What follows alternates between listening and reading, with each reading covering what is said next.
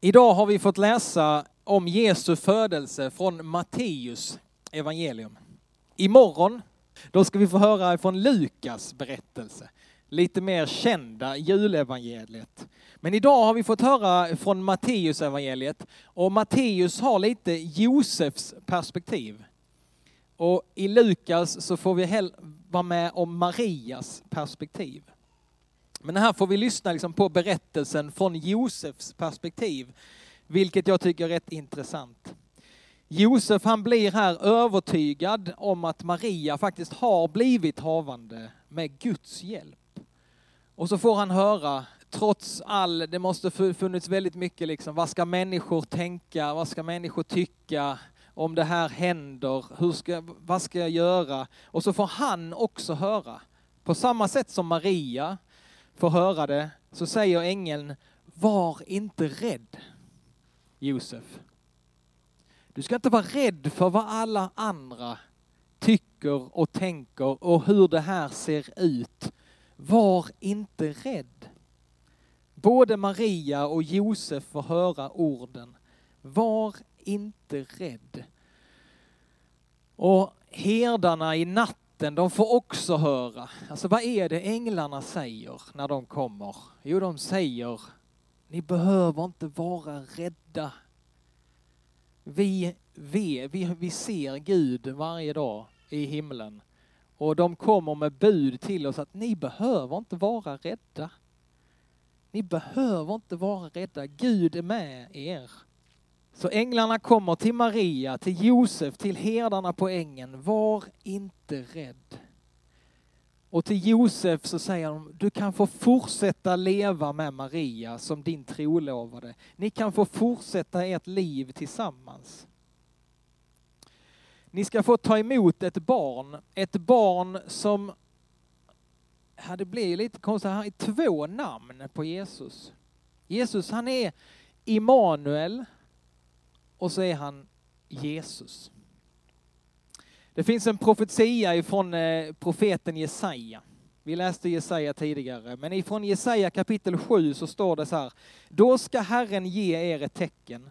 Den unga kvinnan är havande och ska föda en son och hon ska ge honom namnet Immanuel.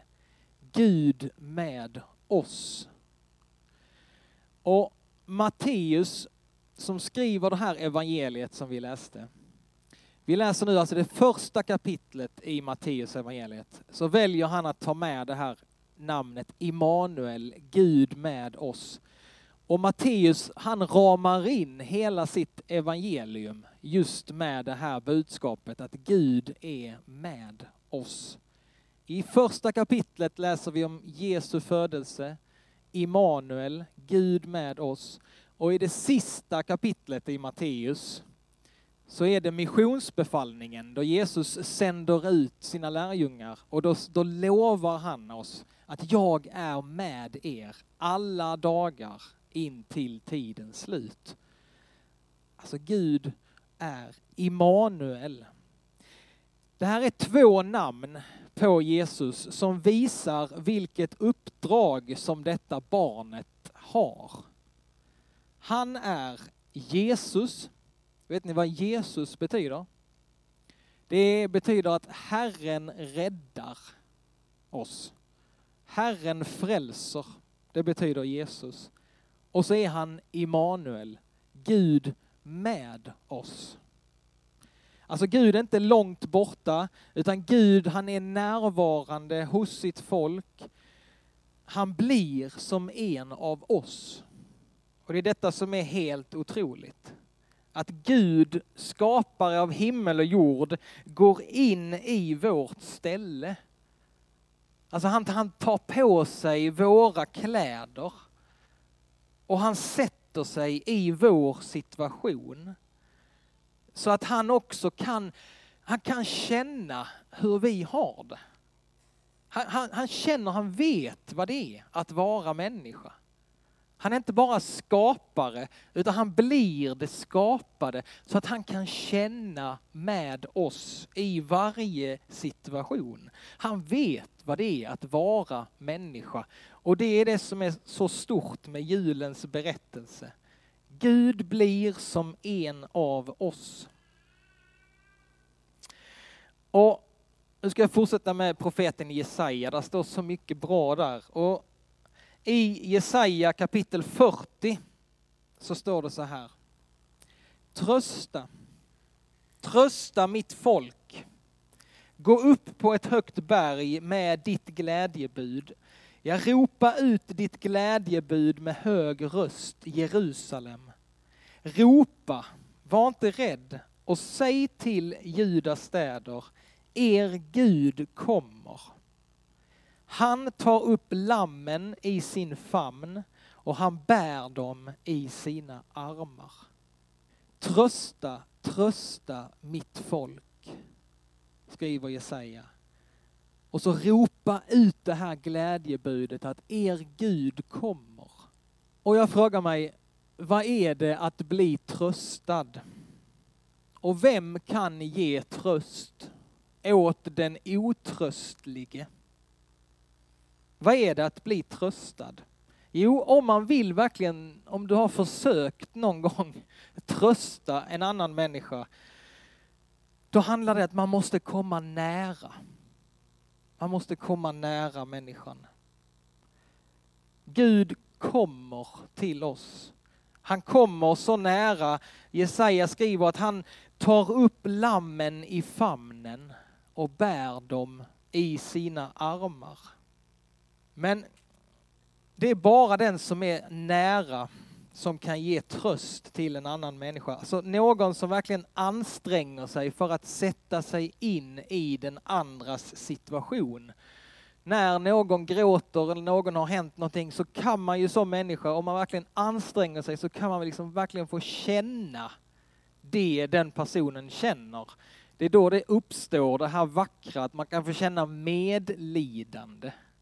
Att jag lider med dig. Och på en nivå så kan vi ju göra det, vi människor, men vi kan inte göra det helt och fullt ut. Va? Det går inte liksom att totalt komma så nära. Men Gud har gjort det. Han har kommit oss så nära så han kan känna med oss. Och han har ju också den liksom att han vet allt och han känner oss rakt igenom. Så han kan känna med oss. Hebreerbrevets författare, som vi också har läst tidigare, skriver så här. Vi har inte en överste präst som är oförmögen att känna med oss i våra svagheter. Utan vi har, alltså vi har en Gud som har prövats på alla sätt och varit som vi, men utan synd. Det är vår Gud som har kommit oss så nära och som vet vad det är att vara människa och som känner oss rakt igenom. Han kan vara en verklig medkännare och detta är någonting helt fantastiskt. Att i Jesus Kristus så har vi både Immanuel, Gud med oss, men han heter också Jesus. Och det betyder att Herren räddar dig och mig. Och han har räddat dig. Han vill rädda dig idag och han kommer att rädda oss alla till slut. För Herren räddar oss. Alltså vi har en Gud som både kan känna med oss i vår svaghet och svårighet men hade det bara varit det, ja men visst det hade det varit härligt och fint. Men vi har också en Gud som med kraft kan rädda oss ur allt mörker och all djävulskap som vi människor kan hamna i. Alltså vi har en medkännande frälsare. Jesus är Immanuel. Och detta är julens budskap, alltså det är, det är svaret på ondskans problem som vi människor kan brottas med. Och som man kan anklaga oss kristna. Hur får ni ihop det? Jo, men vi tror på en Gud som har gripit in och som har kommit nära oss. Och vi tror att han ska komma igen. Vi har inte sett facit, men vi litar på att han är Immanuel. Och han är Jesus. Han som räddar hela världen. De här två namnen kan vi få bära med oss. Jesus, Herren räddar och Immanuel, Gud med oss. Nu ska vi få be tillsammans. Och en julafton, jag tänker det finns mycket att tacka för och det är mycket att be för. Vi ska få be för vår värld, det stora och det lilla.